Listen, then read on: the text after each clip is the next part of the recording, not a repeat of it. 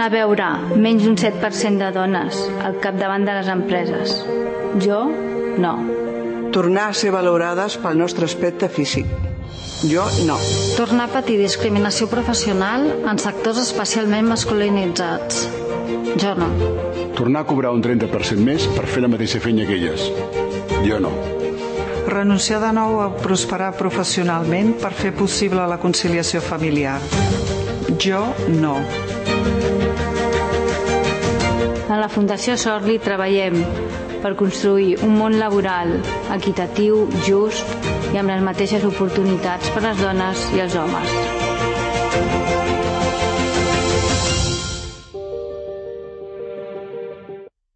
Bé, doncs eh, aquest que acabem d'escoltar és el missatge de la Fundació Sorli, presidida per Anna Sorli, i que defensa l'equitat de gènere com a motor de progrés social i, a més, treballar per fer-ho possible. Per saber com ho fan, hem convidat al Connectats la Berta Canals, que és directora de la Fundació Sorli. Ber Berta, bona tarda. Bona tarda, bona tarda. Uh, a grans trets, uh, les raons que acabem d'escoltar són algunes de les principals desigualtats que es troben uh, les dones en el món laboral. Quina, quina seria la radiografia que podríem fer així a, a grans trets? Uh, és interessant la pregunta perquè moltes vegades uh, la radiografia en aquest cas no s'ajusta a la realitat i les idees i imatges que tenim sobre les dones en el món laboral estan una mica esbiaixades. Tenim la impressió de que la igualtat ja està aquí, gairebé ja l'hem aconseguit, eh, està, queden alguns flecos, però que de fet la igualtat està ja pràcticament assolida. I eh, no és així. Les dades indiquen no només que no és així, sinó que en alguns aspectes estem anant marxa enrere. Eh, per exemple, amb la bretxa salarial, um, eh, que és, és, és alta, és, és molt més alta del que un esperaria uh, uh, l'any 2023. Um, també la quantitat de persones uh, que, de tot l'estat que agafen reducció de jornada per poder tenir uh, cura de les persones dependents a casa seva. Mm. El 90 i tants per cent són dones. Um, hi ha um, hi ha moltes dificultats en general, en, en, en general en la majoria de sectors perquè les dones accedeixen als, als llocs de direcció, malgrat que es té la idea, com que a les, a les universitats hi ha moltes més dones que homes, es té la idea de que això eh, no pot ser així, que simplement és una, és una visió errònia. I eh, lo interessant és anar mirant com eh, cada una de les dades ens confronta a una realitat que no ens agrada, que és una realitat de desigualtat de gènere. Mm.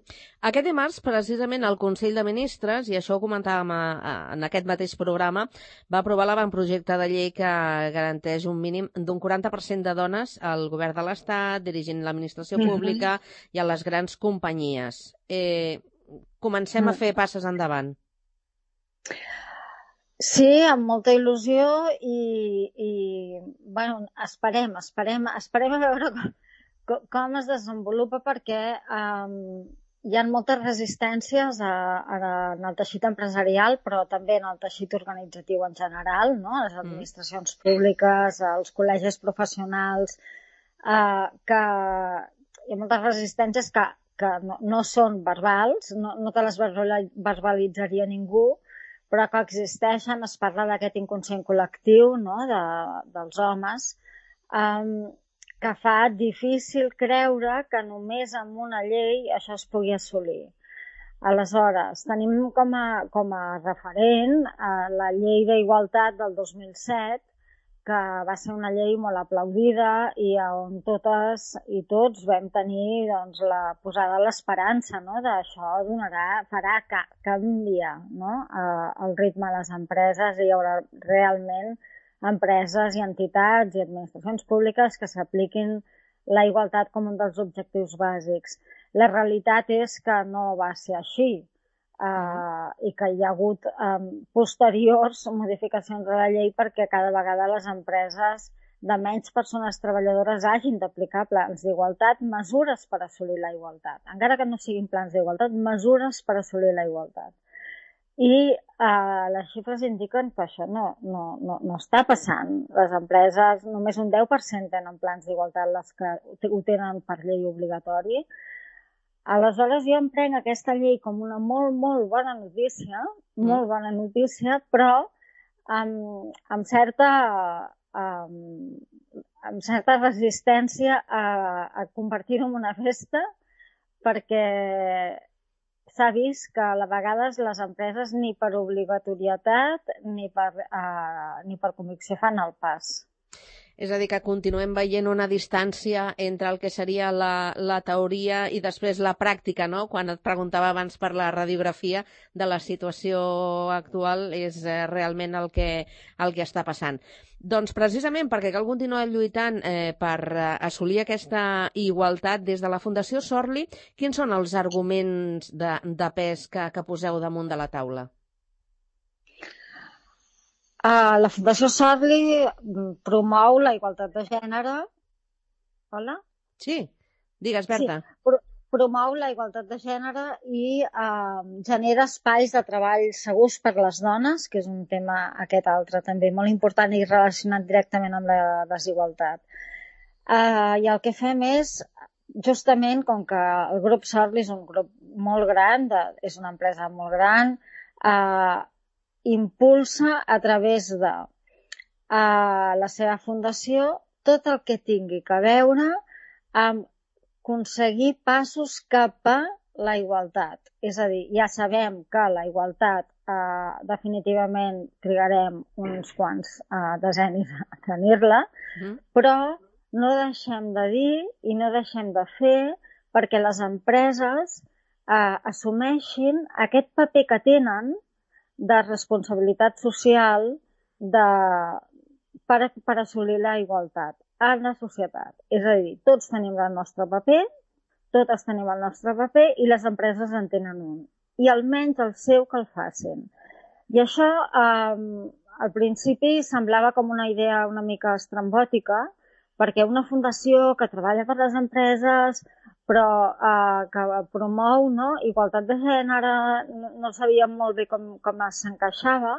La realitat és que jo estic com molt eh, agraïda i contenta de veure moltes empreses que en un principi podien estar bastant reticents, escoltar la paraula igualtat, escoltar la paraula inclús gènere o plans d'igualtat, no? són paraules que espanten una mica en l'entorn empresarial, mm però que ara eh, ha resultat que han vist el benefici que això suposa, que aquest és el nostre discurs. El nostre discurs és la igualtat per obligatorietat, vale, d'acord, però sobretot perquè és rentable, sobretot perquè és rentable socialment.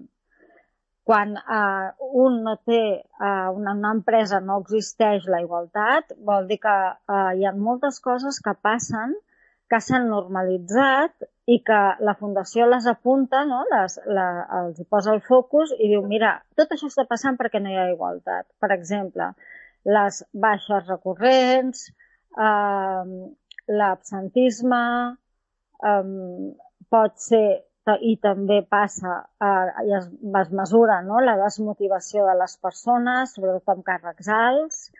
Eh, bueno, hi ha una sèrie d'elements de, que fan que el benestar en aquella empresa estigui en joc. Mm. I quan s'apliquen mesures d'igualtat beneficien tant a dones com a homes. Tenint tot Perquè... això... Digues, digues, Berta. No, no, just, justament que és important posar l'èmfasi aquí, no? Que, que no només són per les dones. Les mesures d'igualtat s'extenen a totes les persones, homes inclosos, òbviament. I la millora i el benefici és evident que és per, a, per al global de, de, de, de l'empresa, dels treballadors i de les persones, que és el que som en definitiva. Exactament. Eh, amb això que ens explicaves, eh, per descriure una mica què és el que feu des de la Fundació Sorli, explica'ns com, com ho feu. És a dir, des de la Fundació quins serveis oferiu a les empreses? A empreses i um, afegeixo entitats uh, socials i també administracions públiques, perquè mm. al final tothom estem en el mateix camí. Sí. Uh, oferim serveis d'assessorament i acompanyament en els processos de reflexió i uh, elaboració sobre els plans d'igualtat, però uh, també formacions, òbviament, als, a les persones uh, de la plantilla de les empreses en diferents formats, no? formacions en igualtat, en comunicació no sexista, en la prevenció de l'assetjament sexual, etc etc però hi ha una, una, una, una faceta nostra que és potser poc coneguda però que és molt interessant, que és la d'investigació i innovació. Mm. Uh, nosaltres, justament perquè uh, prova... som fills no? i filles d'aquest um, gran grup de distribució a Catalunya, uh, això ens permet tenir accés a moltes empreses molt grans eh, i això fa que puguem investigar, que puguem eh, estudiar quines dificultats tenen a l'hora d'aplicar les mesures d'igualtat i donar resposta a aquestes dificultats. Perquè hi ha una gran part de l'empresariat que sí vol, però no sap com. Clar. I l'administració pública no arriba. I allà és on entrem nosaltres. Fem una mica de pont entre l'administració pública i les empreses. I les ajudem en aquest camí inicial que és molt nou per la majoria de les empreses, molt, molt desconegut. No hi ha pràcticament professionals eh, expertes en això, experts en això, i eh, nosaltres com a fundació, òbviament, ens, ens oferim i, i fem aquest, eh, aquests primers passos cap a la igualtat i després executem els plans d'igualtat també si cal. Uh, però bueno, volia posar l'èmfasis en aquesta part d'innovació i investigació uh, perquè per sort nosaltres ho podem fer. No tothom ho pot clar, fer, això. Clar. Uh, mira, una cosa tan simple com, per exemple, un protocol contra l'assetjament sexual eh, podries eh, dir que ho compleixen la majoria d'empreses o, o no? Mira, no, no m'has vist però estic rient. Ja. ah, no. Ni de bon tros. Um, que, uf. Uh, els plans d'igualtat encara et podria dir que són aquest 10% de les empreses, però que reconeixen que, que sí, que ja ho faran, que ja els hi toca, etc etc. Els protocols no saben ni que és obligatori tenir-los i és obligatori per totes les empreses, no importa tamany, no importa sector, eh, han de tenir un protocol contra l'assetjament sexual i no només no el tenen, eh, sinó que diguem, es qüestiona si l'assetjament sexual existeix a l'empresa o no. Una de les primeres coses que escoltem és aquí no passa. Yeah. No, no, això aquí no cal. I justament, no, eh, sempre els diem el mateix, i aquesta és la resposta de la Fundació. Es perdona, però sí que està passant, el que no sabem és a on i com.